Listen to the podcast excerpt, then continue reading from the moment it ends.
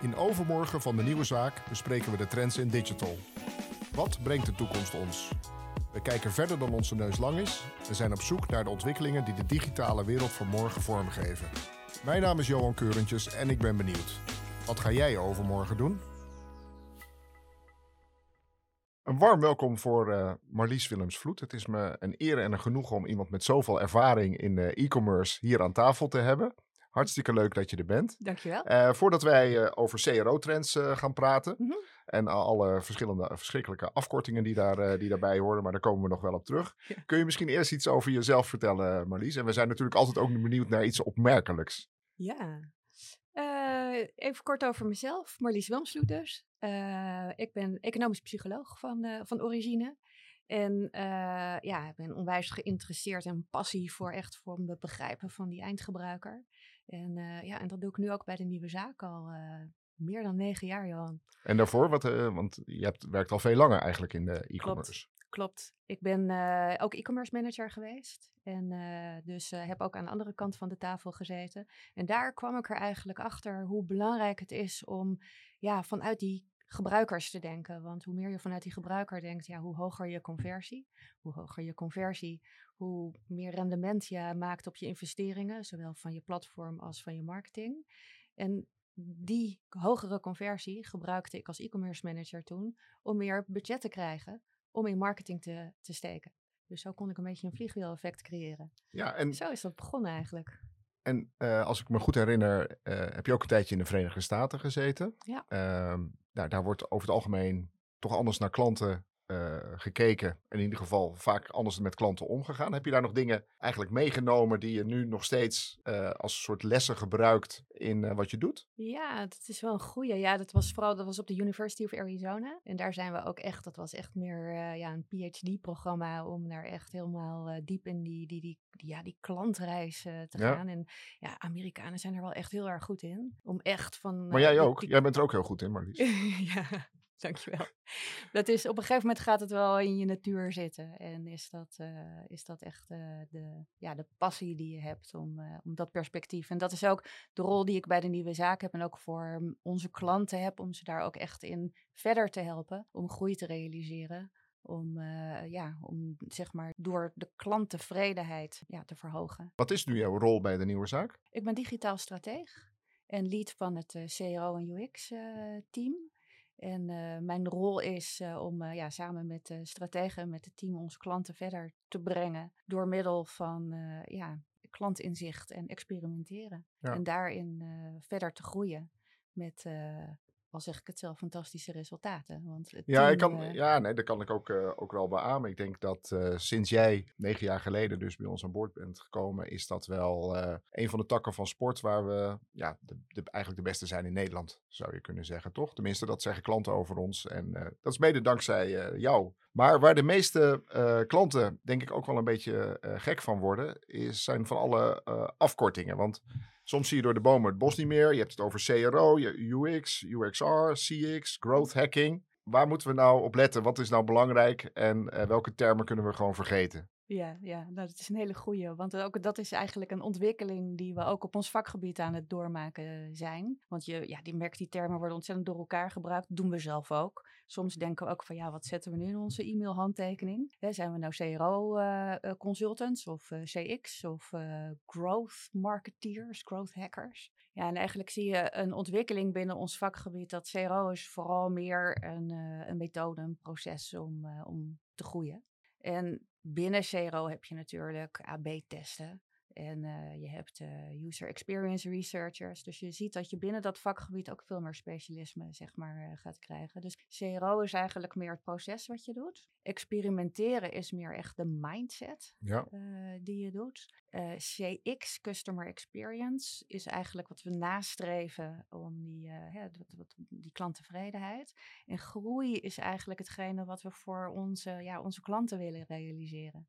We merken dat we best wel struggelen. Zo van ja, welke naam past het beste bij ons zonder heel ingewikkeld uh, te worden? Want eigenlijk zouden we ons het liefst evidence-based growth consultants willen noemen. Ja. Maar ja, spreek dat nog maar eens uit. Ja, precies. Ja, feestje, wat doe jij nou? ja.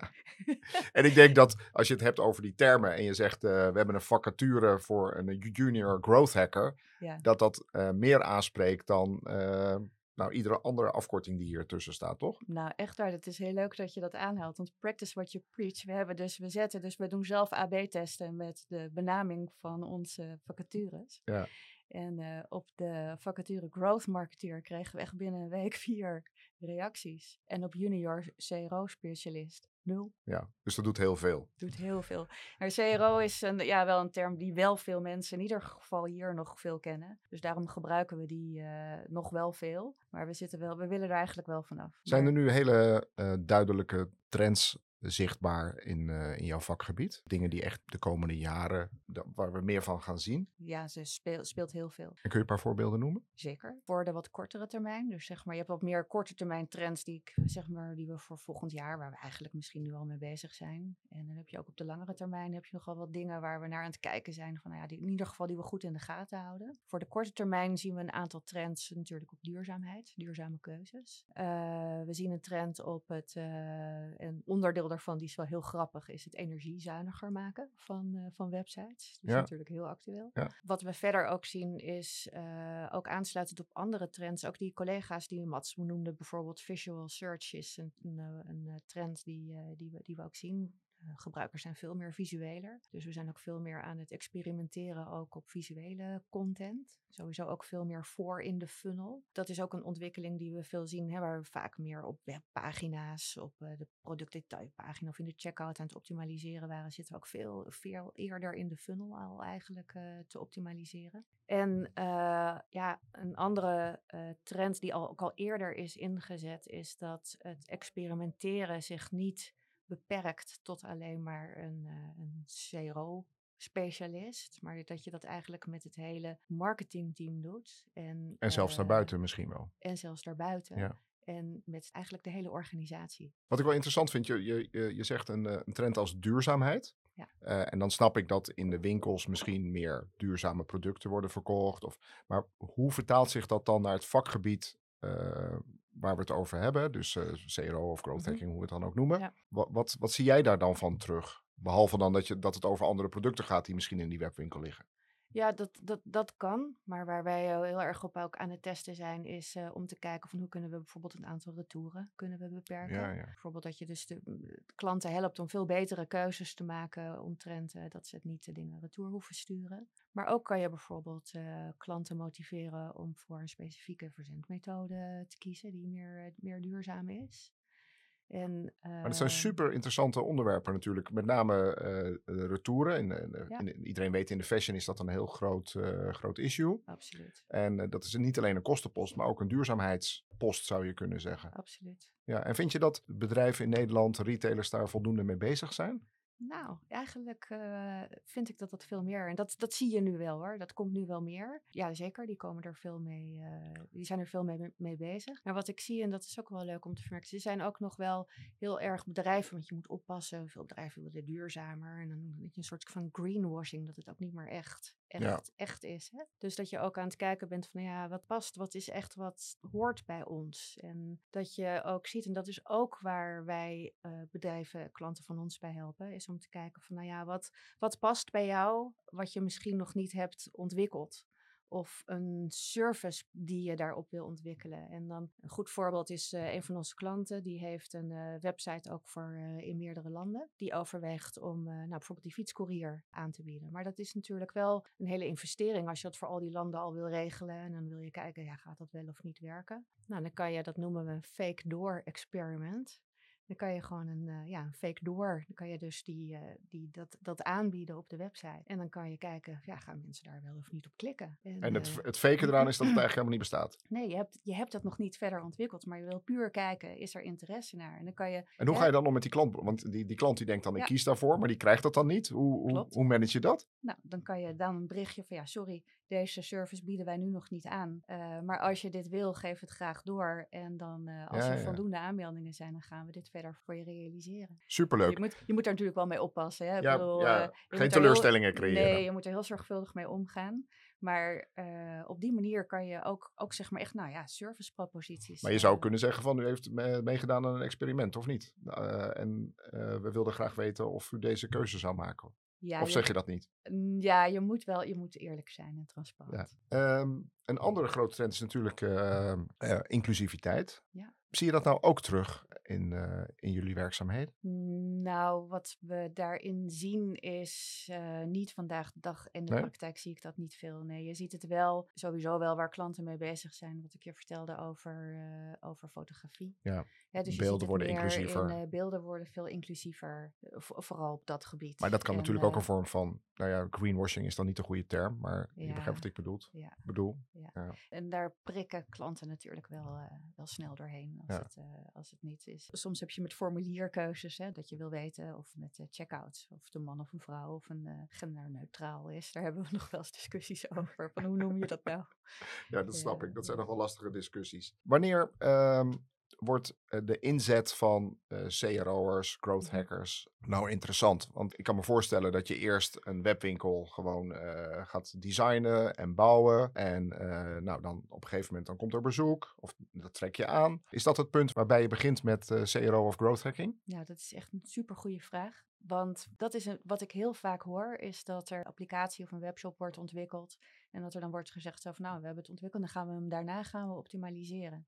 Dat is echt een gemiste kans. Want als je al bij het bouwen van een applicatie al begint met het inventariseren van wie zijn je gebruikers, wat zijn hun behoeften, waar lopen ze tegenaan, waar kan je nou echt waarde bieden, dan gaat dat jou helpen om de juiste keuzes te maken in welke functionaliteiten je bijvoorbeeld gaat ontwikkelen of in welke prioriteit je ze gaat ontwikkelen, waardoor je een veel betere basis neerzet. En hoe beter de basis van de applicatie, van de webshop die je neerzet, hoe sneller je zeg maar, resultaten ook haalt uit je optimalisatie, ook op marketinggebied. Vind jij, het, vind jij het lastig ook om ondernemingen te overtuigen om geld te stoppen in onderzoek en het ervaren van wat werkt het beste of niet met AB-testen? Want ja. de neiging is natuurlijk als je budget hebt, mm -hmm. stop het maar in marketing en uh, zodat we meer bezoekers krijgen en die ja. converteren wel en heb ik meer omzet. Ja. En ik kan me voorstellen dat onderzoek vaak als, meer als kostenpost dan uh, gezien wordt dan, dan, dan iets anders. Helemaal waar. Helemaal waar. Dat blijft echt een uitdaging om, uh, ja, zeg maar, het, uh, de, de, de winst die je dan, zeg maar, haalt, die kan je niet direct, het is een indirect resultaat wat je eruit haalt.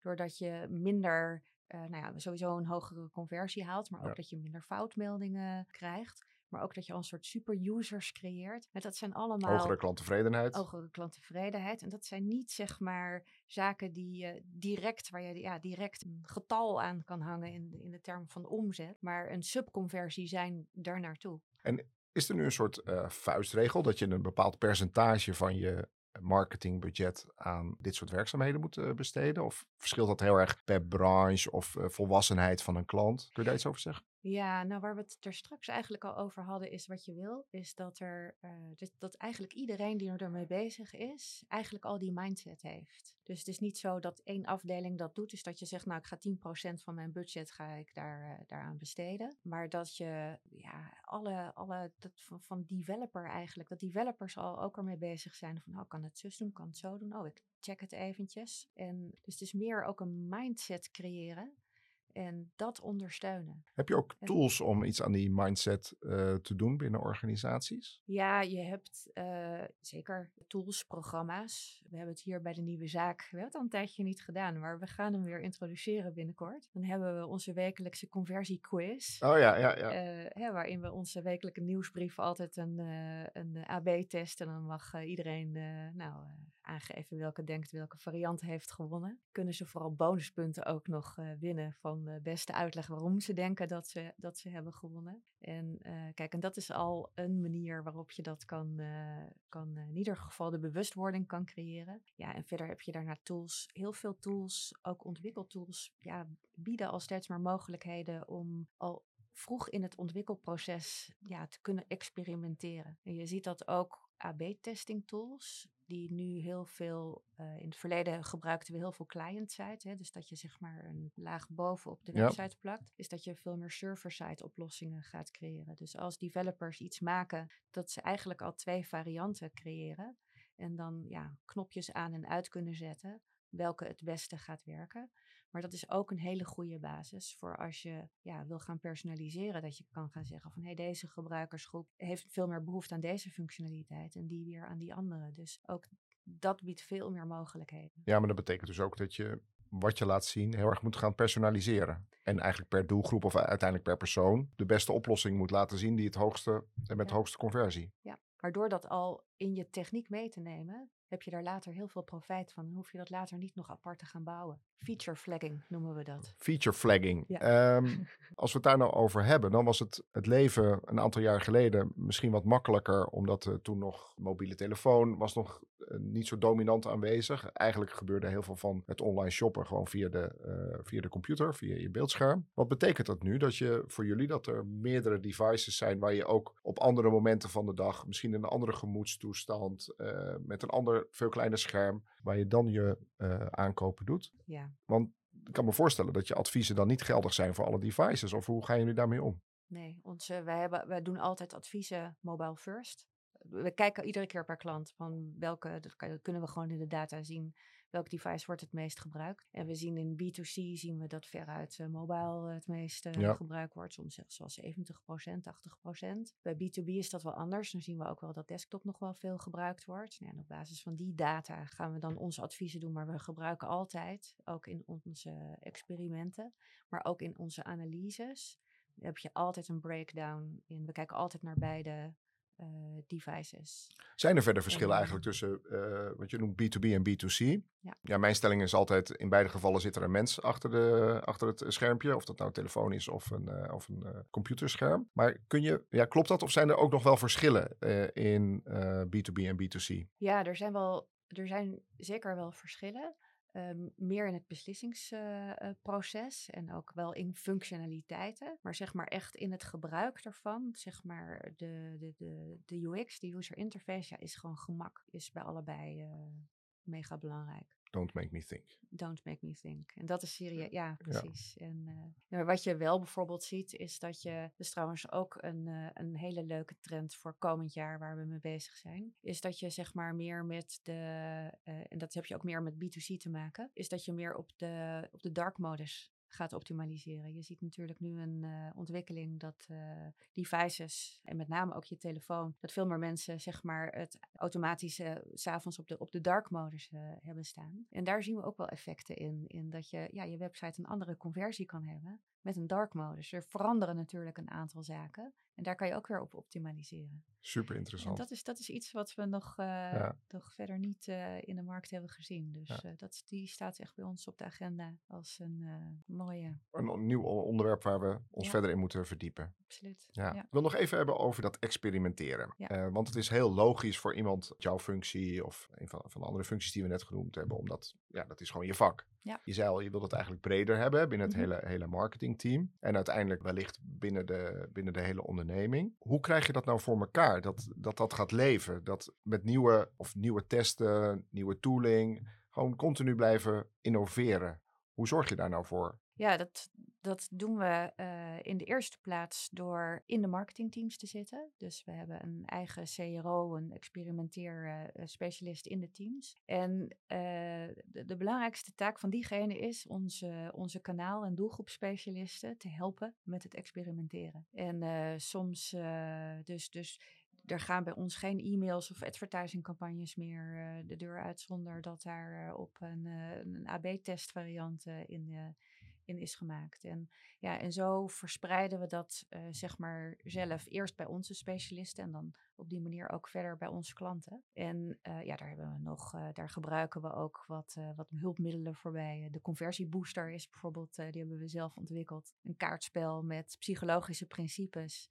En dat is puur een hulpmiddel om even out of the box te denken van hey, welk psychologisch principe kan ik inzetten om de gebruiker of de ja, beter te helpen keuzes te maken. En dat is een, een kaartspel. Je hebt ja. een soort ja. van gamification. Het is een soort van gamification. En die kan je zeg maar uh, ja, binnen, eigenlijk binnen de hele organisatie gebruiken. En niet alleen voor digital, maar ook voor marketing en communicatieafdelingen zien we dat die wordt uh, ingezet. Super en, interessant. Ja, ja, ja. Heel leuk. Wat ik een groot bezwaar vind van testen met consumenten of met gebruikers, is dat je uiteindelijk gaat doen wat de, wat de meerderheid de prettigste manier vindt. Of de beste manier. Maar hoe kom je nou tot echte innovaties? Want mensen hebben dat nog nooit gedaan of gezien. Dus de kans dat ze, als je dat gaat AB-testen, dat ze het gaan gebruiken, denken ze, nou, ik weet niet wat het is. Of hoe zorg je nou dat, dat je niet alleen maar in de achteruitkijkspiegel aan het kijken bent van uh, wat, wat werkt het beste, maar ook daadwerkelijk tot vernieuwing komt? -hmm. Ja, goede vraag. Uh, allereerst wel nog even een reactie. Kijk, die AB-testing is doen we niet zomaar. We doen niet zomaar even iets bedenken, AB-testen. En die AB-testen zijn echt wel gebaseerd op hypotheses, op inzichten. En waarbij we hè, een proces volgen, waarbij we echt leren op basis van, uh, van inzichten. Wat een heel goed punt is, wat jij aanraakt, is dat je. Ik krijg ook vaak te horen van, uh, ja, als je, als je uh, klantonderzoek doet, dan zal je niet tot innovaties komen, want klanten gaan jou niet vertellen wat de oplossingen zijn, die uh, ja, vertellen wat zij uh, nu weten. Dat zie ik vaak. Ik doe zelf ook heel veel customer journey onderzoeken. Ja. Ik zit net nu in een heel mooi onderzoek voor een van onze klanten, B2B, met allerlei eindgebruikers. En wat onwijs belangrijk daarin is, en dan kom je namelijk wel tot innovaties, is dat je echt kijkt van wat is nou echt de behoefte van die eindgebruiker. Ja, maar dan moet die, die, eindgebruiker wel al die behoeften kunnen ja. uh, duiden. Klopt. En er zijn natuurlijk ook behoeften die je ja. misschien helemaal niet hebt. En om die latente behoeften, ja. om die te identificeren, en daarom zitten in ons vak ook veel psychologen, dan moet je die omslag maken dat je echt vanuit watgene wat die eindgebruikers niet zeggen, wel de onderliggende behoeften naar boven weten brengen. En een heel goed voorbeeld van, uh, van uh, ik had uh, van de week een interview met een ZZP'er. En hè, waarbij we dan uitvragen van nou, wat zijn nou jouw uitdagingen? En dan nou, vertelt hij van ja, nou ja, ik moet natuurlijk geen fouten maken, want anders dan krijg ik geen werk meer. Dus imago wat is voor zo'n ZZP'er die in een, een, lokale omgeving werkt, dat is, ja, daar krijgt hij zijn, wel zijn bestaan. Als hij, als hij een slecht imago heeft, heeft hij ook geen werk meer. En dat zegt hij natuurlijk niet tegen je. Maar als psycholoog kan je wel uit datgene wat hij vertelt een echte onderliggende behoefte kan je gaan halen. En als je die onderliggende behoefte weet, dan kan je daar oplossingen bij bedenken die wel echt innovaties zijn. Want innovaties hebben een hogere slagingskans als ze daadwerkelijk waarde leveren. Ja. Als ze iets, als een behoefte vervullen. Ja. En, uh, en dat is die omslag. En dat zie ik bij.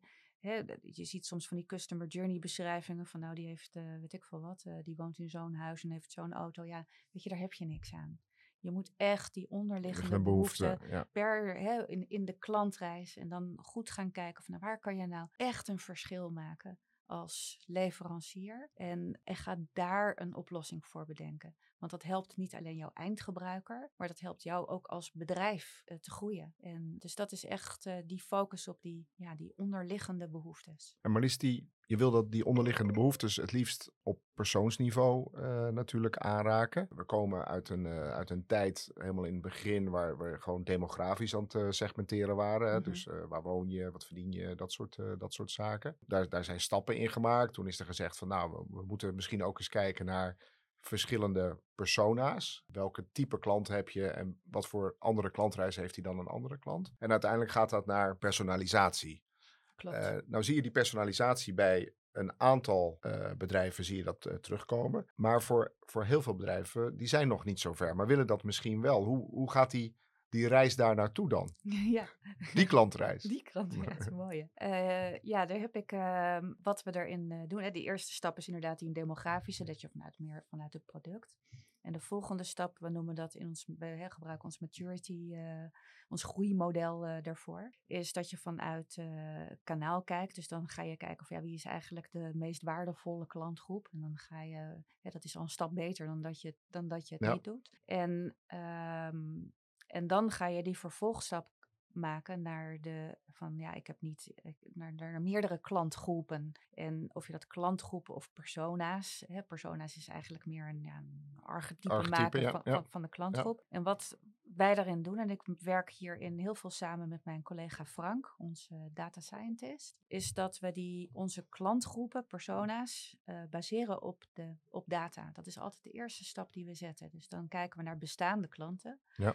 En dan gaan we van wat voor gedrag vertonen die? En kunnen we op basis van gedrag kijken of er verschillende klantgroepen zijn. Dan we, halen we daar de groepen uit. Nou, daar gaan we vervolgens, hè, dat is zeg maar je data. En dan ga je via kwalitatief en kwantitatief onderzoek ga je verder verdiepen in nou, wat zijn dan die behoeften.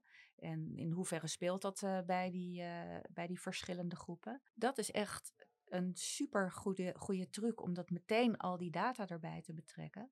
Want dat betekent dat je die data je, je, die, die, je, kan je CRM kan je daar eigenlijk al bijna op inrichten. Die kan je dan ook voor de volgende stap weer inzetten als je wil gaan personaliseren. Het lastige van data is dat je er uh, over het algemeen best veel van nodig hebt om, uh, om er iets mee te kunnen. En B2C-organisaties hebben vaak heel veel klantdata. klantdata. Bij B2B is dat wat minder, denk ik dan.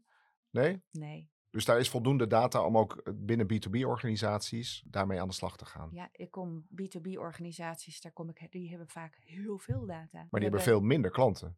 Die hebben minder klanten, maar die hebben, uh, hoeft ook trouwens ook niet zo te zijn, maar die hebben echt wel heel, die hebben heel veel data. Omdat die klanten veel meer transacties doen gedurende een, uh. Ja. een maand of een jaar ja. En wat je daar ziet is dat die ook uh, heel veel uh, omni-channel data hebben. Dus die zien ook wat doen die klanten in de winkel, wat doen die klanten in de app, wat doen die klanten in... Uh, die werken ook veel meer op een, in een My-account omgeving. Ja. Dat is ook de reden waarom je zeg maar veel meer data kan verzamelen. En dus nee, ik, wij hebben bij onze B2B klanten altijd echt heerlijke pool van data om mee te werken. Marlies, um, wat zou je aan de luisteraars willen meegeven als belangrijkste tip? Waar, moet je, uh, waar kun je morgen mee beginnen of waar moet je aan denken? Welke stap zou je in ieder geval zetten? En misschien ook iets over de grootste valkuil op het gebied van growth hacking of CRO. Ja, de uh, grootste valkuil die ik zie is dat er nog heel veel vanuit tools wordt gewerkt. Dus niet vanuit een probleem of vanuit een behoefte, maar vanuit tools van, oh, nou, we hebben nu een uh, personalisatietool. Laten we die, die eens even dit. inzetten. Ja, ja, ja, ja, ja, En daar zie ik echt dingen in misgaan. Sowieso dat er niet voldoende kennis is, maar ook dat die gewoon niet op een goede manier wordt ingezet. En uh, dus dat is er wel uh, eentje. Een andere valkuil die ik zie is dat, ja, het is onwijs leuk om te experimenteren. We hadden het er net al eventjes over, van, nou, er komen natuurlijk allemaal ideeën vanuit de hele organisatie, die wil je natuurlijk ook koesteren, van ja, maar willen ook experimenteren. Maar de succesratio uh, van jouw experimenten wordt hoger als je goed begrijpt wat je wil gaan experimenteren, waarom en wat ga je er ook van leren. we zijn altijd heel erg geïnteresseerd in winning tests, maar losing tests. Ja, kan me voorstellen. Ja. ja, daar leer je ook onwijs veel van. En uh, dus dat is, dat is er ook een tip die ik, ja, wees niet bang om uh, verliezende testen te hebben, want die zijn soms zelfs nog waardevoller dan, uh, dan, dan de winning tests. Ja, en, dat kan me heel goed voorstellen. Ja, en um, dus dat was antwoord op jouw eerste vraag. En jouw tweede vraag was? Nou, er was valkuil en, en zowel van wat, wat kun je organisaties die daar nu mee, uh, laten we zeggen, mee worstelen, die zeggen van ja, maar ik uh, geef al heel veel geld uit aan, uh, aan marketing en moet aan de, aan de techniek, aan mijn platform moet ik heel veel geld uitgeven. Hoe, hoe moet ik hier nu een start mee maken? Wat is daarin belangrijk? Ja, klein beginnen, successen vieren en dat steeds verder uit gaan breiden. Mooi. Kleine stapjes. Kleine stapjes. Ja. En, dan, en als je dat met heel veel doet, dan heb je een onwijs resultaat. Mooi, mooi om zo te eindigen. We eindigen de podcast altijd met de vraag: uh, wat ga jij overmorgen doen? Ja, dat is een goede vraag. Uh, we hebben volgende week hebben wij kerstdiner. Ja? En uh, ik heb volgens mij één keer heb, eerder heb ik net van jou heb ik die kerstdraaiencompetitie gewonnen. Toen had jij echt een vreselijk pak en ik een nog vreselijke jurk. oh, dus je gaat shoppen voor een, uh, een nieuwe kersttrui? Ik, ja, ik, uh, ik ga dat, dat ga ik overmorgen doen. Uh. nou, superleuk. Dank voor dit, voor dit gesprek. En ehm, onwijs fijn dat we iemand met zoveel ervaring, maar die toch continu aan het vernieuwen is, hier, hier aan tafel te hebben. Dankjewel, Marlies. Dankjewel. Dit was Overmorgen. Volg ons op Spotify, Apple Podcast of het platform waarop je nu luistert. En check alle show notes op denieuwezaak.nl slash overmorgen. Ben jij eruit wat je overmorgen gaat doen? Deel het op je socials of laat een review achter in de podcast app.